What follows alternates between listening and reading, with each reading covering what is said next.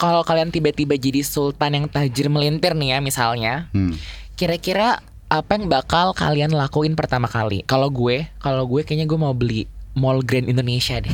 Demi apa? Iyalah orang lokasinya strategis, luasnya gede banget gitu. Kalau kalian gimana nih? Kalian gimana? Kebebasan. ya, asik. Oh, Contohnya contohnya ya, Pangeran Harry aja kurang tajir apa? Oh, Gak ada iya. kebebasan keluar cek. Asik. Dalam juga ya jawabannya nih. Serius loh dia. kalau gua gua bakal beli Harley, motor tua, mobil tua, bengkel dan segala macamnya. Terus gua akan bikin program YouTube namanya San Mori, Sunday Morning Rides. Pagi-pagi motoran sambil ngomongin ham aja. Serius tetep. Kalau gue gue mau beli data. Data apa? Data semua orang. Melebihi minyak ya hari Iya ini. dong. lo nge-hack data peduli tuh. aja. Makanya gue nggak tajir-tajir. Niatnya udah jahat. Tapi namanya orang halu mah bebas ya. Halulah sebelum halu itu dilarang. Wah, Tapi Warkop nih- Detective. Yoi, tapi nih biasanya nih ya kalau orang punya duit makin banyak duitnya makin tinggi juga nih pengeluarannya juga keinginannya. Apalagi kalau emang udah jadi sultan sedini mungkin kan alias bawaan orok, hmm, privilege-nya luar biasa. Kerasa nih gue. ini nada-nadanya mau julid-julid lagi. Kalau penerawangan gue ini ada kaitannya nih sama soal perkara high risk high return nih bau-baunya. Kok Anda tahu? Ya iyalah, emang lagi jadi gunjingan kan sama warga Twitter. Lo juga tuh acting lo kurang meyakinkan nih. By the way gimana sih tadi tuh Jess? Itu pengusaha muda Putri Tanjung tuh. Sekarang lagi jadi bahasa netizen gara-gara nge-tweet curhat pernah rugi bisnis sampai 800 jutaan rupiah. Dia nge-tweetnya gini, gimana kita bisa tahu resikonya kalau nggak kita ambil high risk high return gitulah. Rame deh tuh terus abis itu netizen yang nggak sependapat dengan doi yang dihubungkan dengan kekayaan bokapnya Hairul Tanjung si anak singkong. Rugi 800 jeti katanya nggak bisa ngapa-ngapain ngurung di kamar tiga hari katanya. Bah, itu dia ya. Coba aja kalau gua beli barang 100 ribu terus dikasih tau temen toko lain ternyata diskon 50% ah langsung cuti sakit gue 10 hari. Udah udah udah ya kita hentikan perhaluannya di sini. Mending yang jelas-jelas aja nih kita dengerin FOMO Sapiens, jalan pintas yang gak akan bikin kamu ketinggalan berita atau peristiwa di sekitar kamu. Bersama saya Ian Hogan. Dan saya Aika masih barengan teman-teman dari podcast Hamburger, sebuah ruang terbuka yang ngebahas isu sehari-hari dari kacamata ham. Ada. Daniel Awigra. Dan lagi-lagi Jess.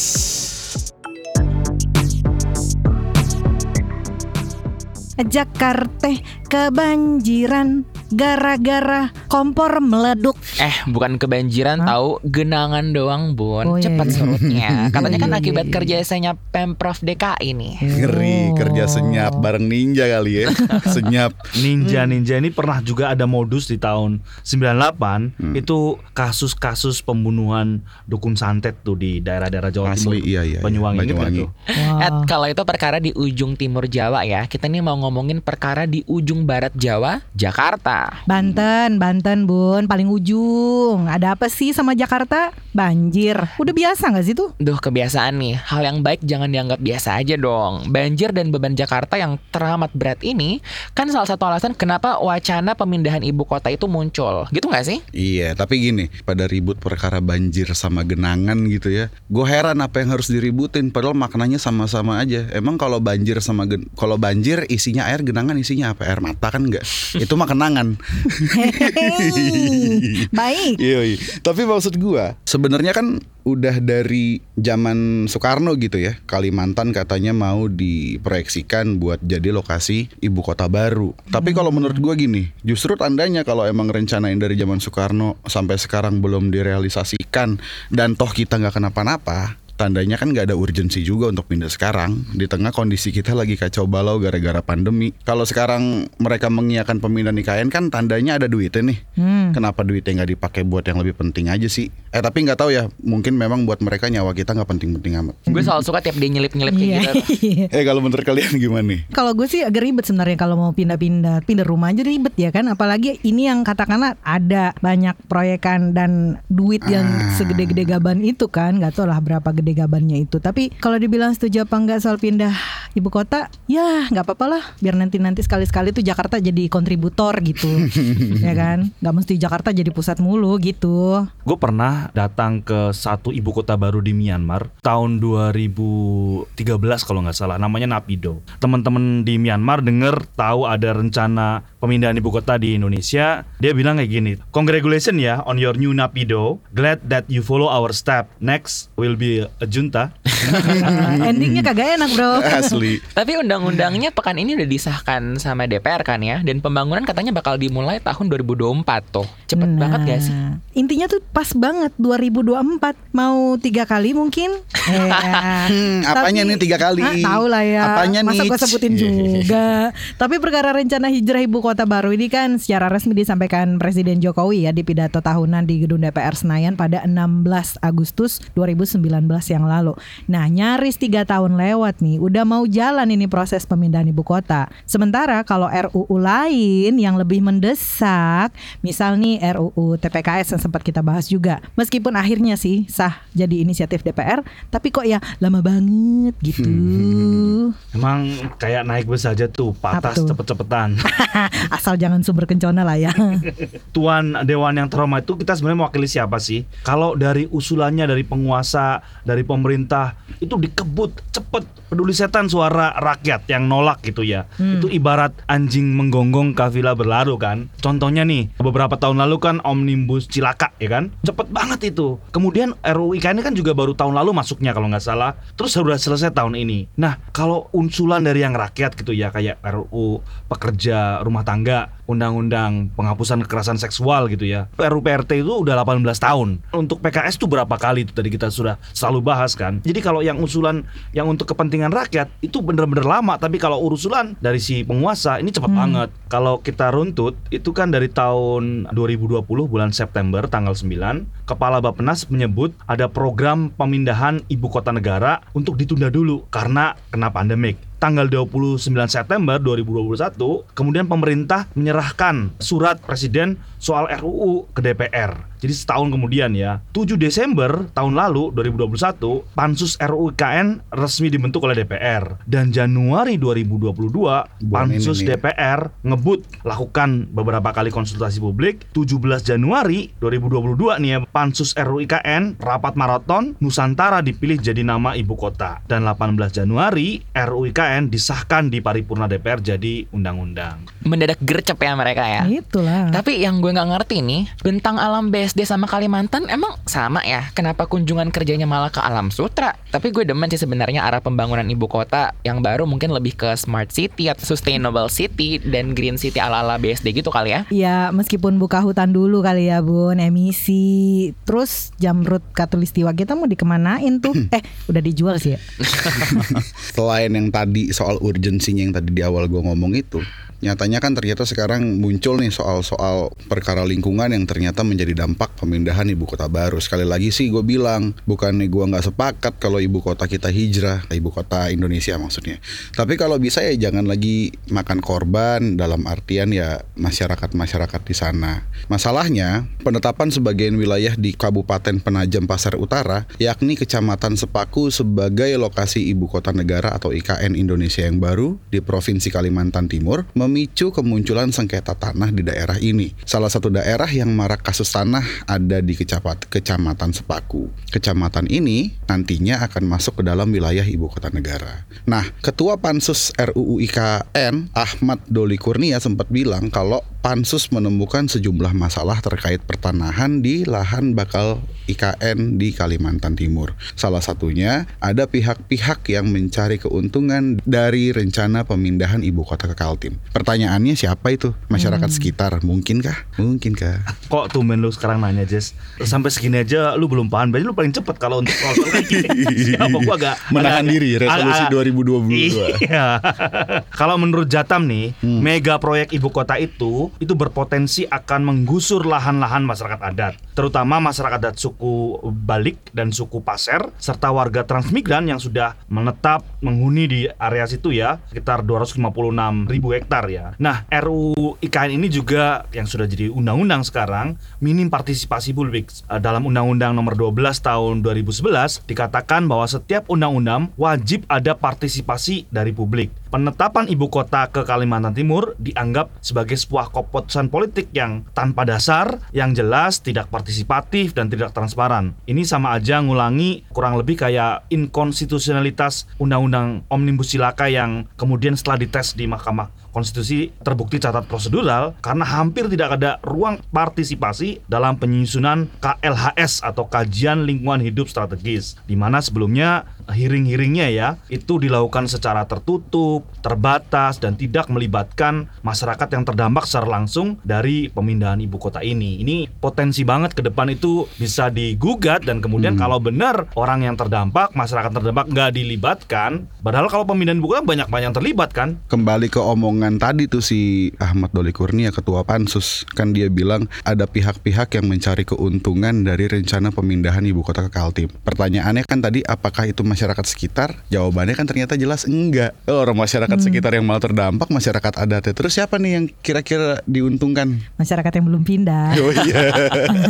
Nah, kalau tadi menurut Jatam, sekarang ini menurut Walhi nih. Setidaknya ada tiga permasalahan mendasar jika IKN dipaksakan. Pertama, ancaman terhadap tata air dan resiko perubahan iklim karena sistem hidrologi yang terganggu dan telah ada catatan air tanah yang tidak memadai. Kedua, pemindahan ibu kota negara baru juga mengancam keberlangsungan hidup flora dan fauna. Hmm. Padahal mereka berfungsi menjaga ekosistem kan. Pembangunan IKN juga akan mengancam keberadaan ekosistem mangrove di Teluk Balikpapan seluas kurang lebih 2.603 hektar. Ketiga, pemindahan IKN juga berdampak pada pencemaran dan kerusakan lingkungan seperti meningkatkan resiko kebakaran hutan, pencemaran minyak, penurunan nutrien pada kawasan pesisir dan laut, lubang tambang yang tidak ditutup mencemari air tanah, hingga menghambat jalur logistik masyarakat. Lalu, Walhi juga melihat kehadiran IKN semakin memperparah bencana ekologis dan merampas wilayah kelola rakyat. Tapi rasa-rasanya belum kurang-kurang juga nih karena nggak beda juga sama yang dibilang sama Ketua Umum Ikatan Arsitek Indonesia Georgius Budi Yulianto yang bilang bahwa pembangunan infrastruktur ibu kota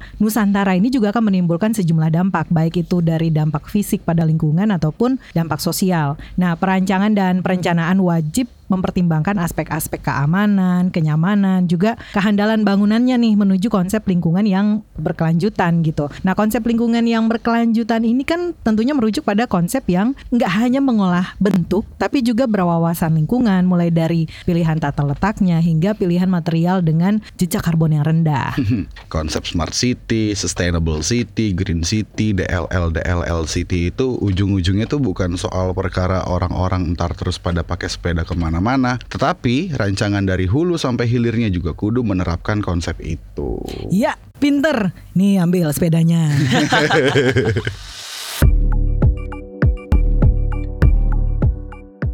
Hey guys, kalian pada tahu nggak sih rentenir yang nagih utang malah tewas ditebas golok sama yang ditagih. Itu serem banget sih menurut gua. Kalau gua pasti yang soal-soal gitu gua tahu tuh. Awalnya dia kan nggak mau nagih tuh utang cuman 350 ribu kayak nggak salah tuh. Ah. Tapi yang ditagih belum punya uang. Jadi niatnya mau dagang gorengan dulu biar ada uang. Tapi akhirnya malah cekcok terus duel satu lawan satu dan tahu sendiri kan akhirnya. Iya dan duelnya juga nggak tangan kosong ya, tapi pakai senjata tajam gitu kalau nggak salah. Buset. Duh, tapi emang serem banget sih kalau kita pikir-pikir ya. Mana sekarang tuh makin banyak aja kan yang nawarin pinjaman-pinjaman gitu. Belum lagi pay letter yang bikin kalap. Eh, tapi kalau ngomongin peleter nih gue jadi ingat sesuatu deh. Kenapa lu lu belum bayar tagihan nih? Iya. Bukan itu sih, tapi ketambahan nih bakal ada peleter baru tahu. Apaan tuh? Pengen ngeplay gue.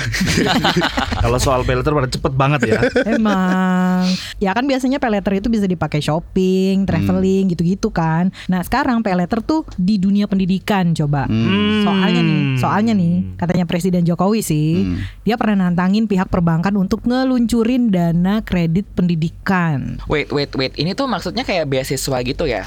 Terus bedanya sama LPDP dan beasiswa lain apaan dong? Beda bun, makanya tadi gue bilang nih pay letter karena ini kan kredit tuh bentukannya tuh pinjaman gitu. Kalau LPDP kan emang dibayarin gitu ya konsepnya, bahkan dapat tunjangan juga. Hmm, berarti ini mirip kayak student loan di Amerika gitu ya? Nah itu kurang lebih konsepnya kan ke sana. Tapi sebenarnya sedikit mundur ya. Kalau menurut lulu pada yang namanya pendidikan itu investasi atau itu hak? Cile. Nah kalau ngomong soal soal di Amerika itu Memang di sana juga bisa mengeluarkan sejumlah uh, kredit ya Untuk pendidikan yang lebih tinggi gitu ya. Bahkan total pinjamannya itu bisa jauh lebih besar dari jumlah limit kartu kredit lo tuh kalau di Amerika sana. Gokil nggak? kalau kalau tadi si orang-orang perbankan ditantangin sama Jokowi suruh bikin kredit pendidikan, kalau gue jadi orang perbankannya gue tantangin balik Presiden Jokowi. Apa tuh? Laksanakan aja mandat-mandat HAM. Asik. memberikan pendidikan yang layak buat seluruh rakyat. Lo sekarang malah disuruh ngutang gimana sih? Cuman oke, itulah. Kalau kita ngomongin lagi soal student loan di Amerika Serikat, setahu gua itu student loan di Amerika Serikat itu kan bentukannya pinjaman tuh. Jadi si mahasiswa bisa nikmatin pendidikan tinggi dengan hampir gratis. Tapi sebelumnya mereka tanda tangan kontrak dulu tuh ke bank yang menyatakan kalau mereka bersedia untuk melunasi pinjaman usai lulus. Bener sih, jadi kayak pay letter ya. Masih perlu dikaji lagi nggak sih ini? Hmm. Karena awalnya kan presiden nantangin begitu karena dia berharap rumusan ini kan bisa meningkatkan SDM lewat pendidikan dan kualitasnya juga makin oke gitu. pasti meningkat sih tapi tar pendidikannya meningkat malah ekonomi yang menurun karena kan Hmm. orang cenderung mau mencoba masuk ke sekolah maupun universitas dengan pinjaman kemudian nggak bisa bayar balik kita katakanlah lulus kerja juga kagak ada lapangan kerja kan ya, itu juga persoalan serius nah Hmm. jangankan kita ya di Amerika juga mereka juga was-was kok soal ketidakmampuan membayar balik gitu atau pay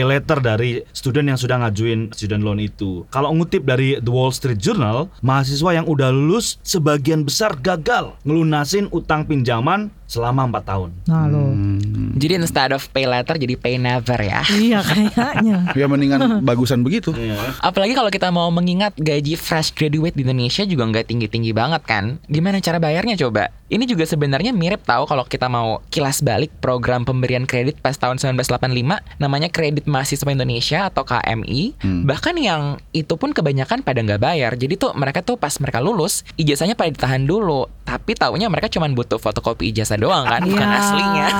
Meskipun meskipun Yeay, seolah-olah hidup mahasiswa Meskipun seolah-olah mission failed tapi itu bagus menurut gua.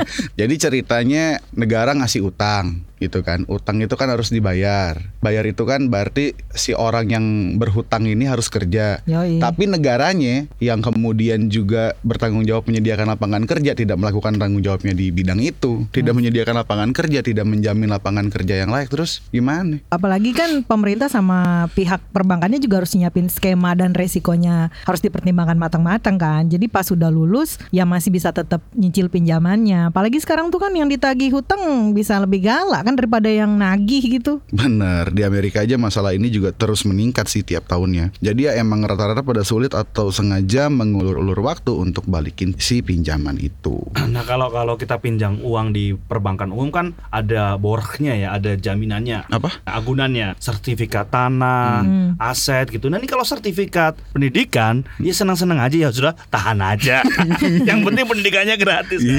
Anyway, ini sama aja ya. Ujung-ujungnya kan orang bisa tetap kuliah, orang tetap bisa punya uang dan kemudian bisa memenuhi kriteria pinjaman itu. Berarti kalau gini yang nggak mampu pada akhirnya nggak bisa kuliah juga dong, sama-sama aja. Ujungnya yang hanya bisa mengecap bangku kuliah itu orang-orang yang punya uang dan memenuhi kriteria pinjaman itu. Artinya yang nggak mampu ya tetap susah kuliah. Soalnya untuk dapatin beasiswa pun cukup susah kan, sulit gitu ya. Dan harus yang memenuhi kriteria pintar gitu dan dapat beasiswa. Entah itu dia mampu atau tidak mampu, itu pokoknya yang penting pintar dulu tuh lulus seleksinya. Well, I agree sih. Contohnya masih banyak kan orang yang berkecukupan nih, tapi masih mau ngejar beasiswa LPDP. Jujur, bokap gue pun juga sampai sekarang masih nyuruh gue ngejar LPDP itu Hmm, gitu. hmm. Untuk kuliah ke luar negeri misalnya. Ini kan ngebuat kesannya sih tidak mampu dan tidak pintar tetap susah untuk dapat kesempatan kan pada akhirnya. Hmm. Well, sorry to say tapi jadi kayak diskriminasi aja nggak sih? Padahal tuh kan tujuan awalnya tadi kan untuk meningkatkan kualitas dan pendidikan SDM di Indonesia kan. Kalau kayak gini nanti yang pinter itu itu itu lagi dong semuanya dia dia aja. Nah, mak- maksud gue gitu. Coba deh lo bayangin pendidikan itu kan konsepnya adalah bikin orang yang nggak pinter jadi pinter. Akhirnya pemerintah bukan nih misalkan LPDP gitu. Syaratnya lo harus ikut tes ini ini ini ini ini ini yang tandanya salah satu ukuran tesnya adalah level intelijensia lo. Terus kalau level intelijensia lo tidak mencukupi syarat, lo nggak bisa dapat beasiswa itu. Nah, berarti pendidikannya diberikan untuk yang pinter. Padahal tujuan awalnya membuat yang tidak pinter menjadi pinter ini ini aja udah aneh Ya. gitu maksud Apa gue. kabar yang udah kurang pinter dan kurang mampu ya kan? Nah, Nah ini Tambah-tambah. salah satu bentuk diskriminasi yang basisnya adalah kemampuan IQ ya. dan diskriminasinya juga di sebuah negeri yang antah berantah. Konon katanya Hmm. beasiswa yang diberikan oleh si negara tersebut dalam proses penyeleksiannya melibatkan badan intelijen. Jadi kalau si calon penerima beasiswanya dianggap subversif oleh si negara yang diantah berantah itu ya nggak bisa. Jadi ada diskriminasi berbasis isi kepala. Hmm. Kualitasnya. Well, iya sih belum lagi soal pertanyaan-pertanyaan diskriminatif atau yang sebenarnya nggak ada korelasinya sama pendidikan. Kayak misalnya pertanyaan seputar gender dan Ya. lain sebagainya itu kan gimana ya? ya mirip-mirip TWK WKWK itulah ya. Eh, WK WK WK bener. Nah kalau balik ya ke Undang-Undang 45 alinea 4 kan sebenarnya ini mandat konstitusi untuk mencerdaskan kehidupan bangsa. Nih ini tujuan bernegara itu salah satu untuk membuat eh, setiap orang tuh berpendidikan ya dan kalau diturunkan itu tujuan pendidikan nasional itu kan menggambarkan cita-cita bangsa Indonesia untuk mendidik dan menyamaratakan pendidikan ke seluruh penjuru Indonesia agar tercapai tujuan kehidupan berbangsa yang cerdas. Nih, Bukan dipilih-pilih kok ada sekarang jadi ada pilih-pilihan kan? Tapi oke, kita balik lagi ke konteks yang tadi. Ini sama juga sih sama rencana pajak di sektor pendidikan. Jadi, September kemarin sempat rame tuh. Katanya pemerintah mengajukan pajak pertambahan nilai atau PPN untuk jasa pendidikan sebesar 7%. Padahal sebelumnya kan pendidikan itu masuknya ke non jasa kena pajak. Ini masuk juga ke RUU tentang perubahan kelima atas Undang-Undang Nomor 6 Tahun 1983 tentang ketentuan umum dan tata cara perpajakan. Tapi sekolah mana dulu yang ikutan kena PPN? Sekolah negeri yang biasanya gratis juga kena. Nah, jadi katanya sih sejauh ini seluruh jasa pendidikan merupakan objek PPN yang terutang pajak atas konsumsi tersebut. Tapi yang kayak sekolah negeri yang emang sangat dibutuhkan masyarakat gitu sih enggak. Yang akan dikenakan PPN itu sekolah yang enggak menjalankan sistem pendidikan nasional atau Sisdiknas atau yang tidak berorientasi nirlaba. Iya itu. Yaitu seperti sekolah-sekolah internasional yang biayanya juga sampai ratusan juta per tahun itu. Jadi asas ability to pay dalam perpajakan Indonesia ini bisa dirasakan antara sekolah negeri dengan sekolah internasional. Nah ini harus dijelasin lagi nih Dan pastinya transparan juga ke masyarakat Biar pada nggak bingung Nggak mikir lagi Yang nyeleneh-nyeleneh lah gitu Nah yang nyeleneh-nyeleneh itu kayak gimana Maksud maksudnya? juga nih Mancing mantap mania. Kembali.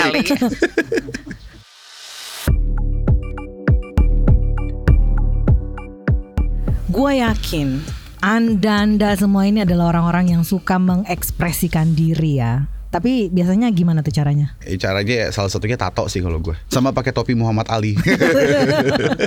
gue kalau self expression paling kan gue anaknya Instagram banget ya. Oh, iya, iya. Um, OOTD-an, Oh, good hair day gitu-gitu. asik. Oh Mas Awi ini Ah kalau gue sih sebenarnya gue karena ngerasa kalau gue seneng gue bisa ngelakuin apa aja kemudian itu nggak dilarang-larang gue ngerasa itu udah cukup oke lah gitu. nah ya. dalam kehidupan sehari-hari misalkan apa? Pakai baju yang kayak gimana? Oh gitu. ekspresinya ya Ah. sederhana aja sebenarnya kalau gue nyaman ya gue pakai gitu. Hmm, Nggak, iya. nggak- nggak nyambung kayaknya ya.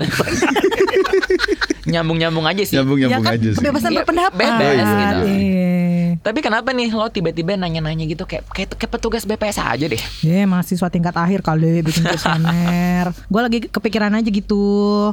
Makin ke sini kan bukannya makin bebas berekspresi gitu, tapi kayak berasa makin hati-hati. Siaran kayak gini aja nih bikin gue deg-degan. Apalagi kalau nyinggung atau nyindir pihak-pihak tertentu, pemerintah misalnya, salah ngomong nyindir dikit ter disomasi, dijemput paksa deh kayak Hari sama Fatia. Kelanjutan kasus yang mereka dilaporin sama Menko Marifes Opung LBP ya Yang mereka bilang bermain dalam bisnis tambang di Papua Oh iya, jadi tuh sekitar pukul 7 pagi pada Selasa 18 Januari kemarin, koordinator Kontras Fatia Mauli Dianti dan aktivis Haris Azhar disambangi di rumah masing-masing dan dijemput paksa oleh pihak Polda Metro Jaya. Kedatangan pihak kepolisian ini dilakukan guna meminta keterangan Fatia dan Haris dalam hal laporan yang dibuat oleh Opung Luhut. Atas kedatangan pihak kepolisian tersebut, Fatia dan Haris menolak untuk dibawa tanpa didampingi oleh para pihak kuasa hukum dan mereka memilih untuk datang sendiri ke Polda Metro Jaya siang itu. Tapi nih kalau lihat konteksnya kasusnya Fatia sama Haris, bukannya mereka nggak kooperatif ya, tapi kan beberapa kali mereka udah ngirimin surat permohonan penundaan pemeriksaan tuh, karena pihaknya berhalangan hadir di waktu yang sudah ditentukan oleh pihak kepolisian. Eh tapi pihak polisi nggak ngasih respon yang serius soal permohonan penundaan waktu pemeriksaan ini. Eh malah dijemput paksa. Gimana itu? Nah, kalau dirunut dikit ya ke belakang soal kasusnya itu kan sebenarnya mereka sedang memaparkan uh, hasil penelitian. Nah, kalau soal data yang dibahas dan disampaikan di podcastnya itu ya dibantah saja sebenarnya dengan data yang lain, bukan malah kemudian dilaporkan. Ini menurut gue sih jelas cara-cara pembungkaman atas kritik melalui pemidanaan menggunakan pasal-pasal ITE ya soal pencemaran nama baik. Ini sama aja logikanya kayak tadi soal RUU apa yang cepat dibahas. Penegak hukum juga gitu. Kalau siapa yang lapor cepat aja tuh di diproses kan. Kalau nyangkut kepentingannya siapa gitu kan. Penguasa jadi cepat kan. Sama kayak tadi tuh RUU mana yang lebih cepat. Nah, padahal dalam konteks demokrasi, suara dan partisipasi termasuk kontrol publik itu adalah kuncinya. Negara harusnya terima kasih terhadap kerja-kerja masyarakat sipil. Mereka nggak dibayar sama negara tuh. Mereka mencoba ngasih tahu ada kemungkinan penyalahgunaan wewenang, korupsi politik dan sebagainya. Harusnya malah harusnya ditindaklanjuti itu, bukan malah dipidana. Ini problemnya. Iya, gue sepakat lagian gini sih. Indonesia ini kan ceritanya adalah negara anggota Dewan HAM PBB gitu. Udah jadi anggota Dewan HAM PBB nih. Masa konsep-konsep dasar HAM aja kagak ngerti yang perkara-perkara beginian kan dalam HAM itu dan demokrasi ya lo ketika nggak suka sama pendapat ya lo lawan aja pakai pendapat. Lo nggak suka sama opini ya lo lawan aja pakai opini. Masa pendapat dan opini dilawan pakai aparat gitu kan? Berarti kalau kayak gitu dia udah takut banget tuh sama pendapat dan opini kita tuh. Ya, itu dia kalau kita lihat dengan kenyataan yang ada kan masih yang terjadi seperti itu gitu. Ada data juga nih dari data datanya Amnesty International Indonesia yang menyebutkan bahwa ruang kebebasan berekspresi di Indonesia di tahun 2021 itu semakin menyusut. Ini kalau lihat dari data pelanggaran kebebasan berekspresi ya masih tinggi gitu karena sejak Januari sampai November 2021 itu ada 84 kasus pelanggaran kebebasan berekspresi yang menggunakan undang-undang ITE dengan 98 orang korban. Nah, UU ITE itu senjata yang masih terus aja dipakai untuk melanggar kebebasan berekspresi dan berpendapat nggak sih sebenarnya? Gue jadi keinget nih kasus serupa tapi tak sama yang masih hangat juga belakangan ini. Misalnya si Stella Monica yang dituntut satu tahun penjara dan dituduh melanggar pasal 27 ayat 3 UU ITE karena mengunggah keluhan ke medsos perkara iritasi kulit yang ia alami setelah perawatan di sebuah klinik kecantikan di Surabaya. Terus juga jurnalis di Palopo M. Asrul yang yang difonis bersalah dengan hukuman 3 bulan penjara. Dia dituduh melanggar pasal yang sama terkait pencemaran nama baik setelah menulis berita tentang dugaan korupsi proyek besar pada Mei 2019. Hmm, gue tambahin nih ya biar makin puyeng nih ya. Kalau kita ke Indonesia bagian timur di daerah Maluku dan Papua misalnya, itu ada penggunaan pasal makar untuk mengkriminalisasi penyampaian pendapat politik Betul. secara damai yang terus berulang di sana. Sampai Desember 2021, Amnesty International Indonesia itu mencatat ada 26 orang di Maluku dan Papua yang ditahan atas tuduhan makar hanya karena mengekspresikan pendapatnya secara damai. Dan terakhir di Jayapura ada 8 mahasiswa yang dijadikan tersangka kasus makar. Ini karena mereka ngibarin bendera bintang kejora. Tuh. Jadi serba susi, saya serba susi.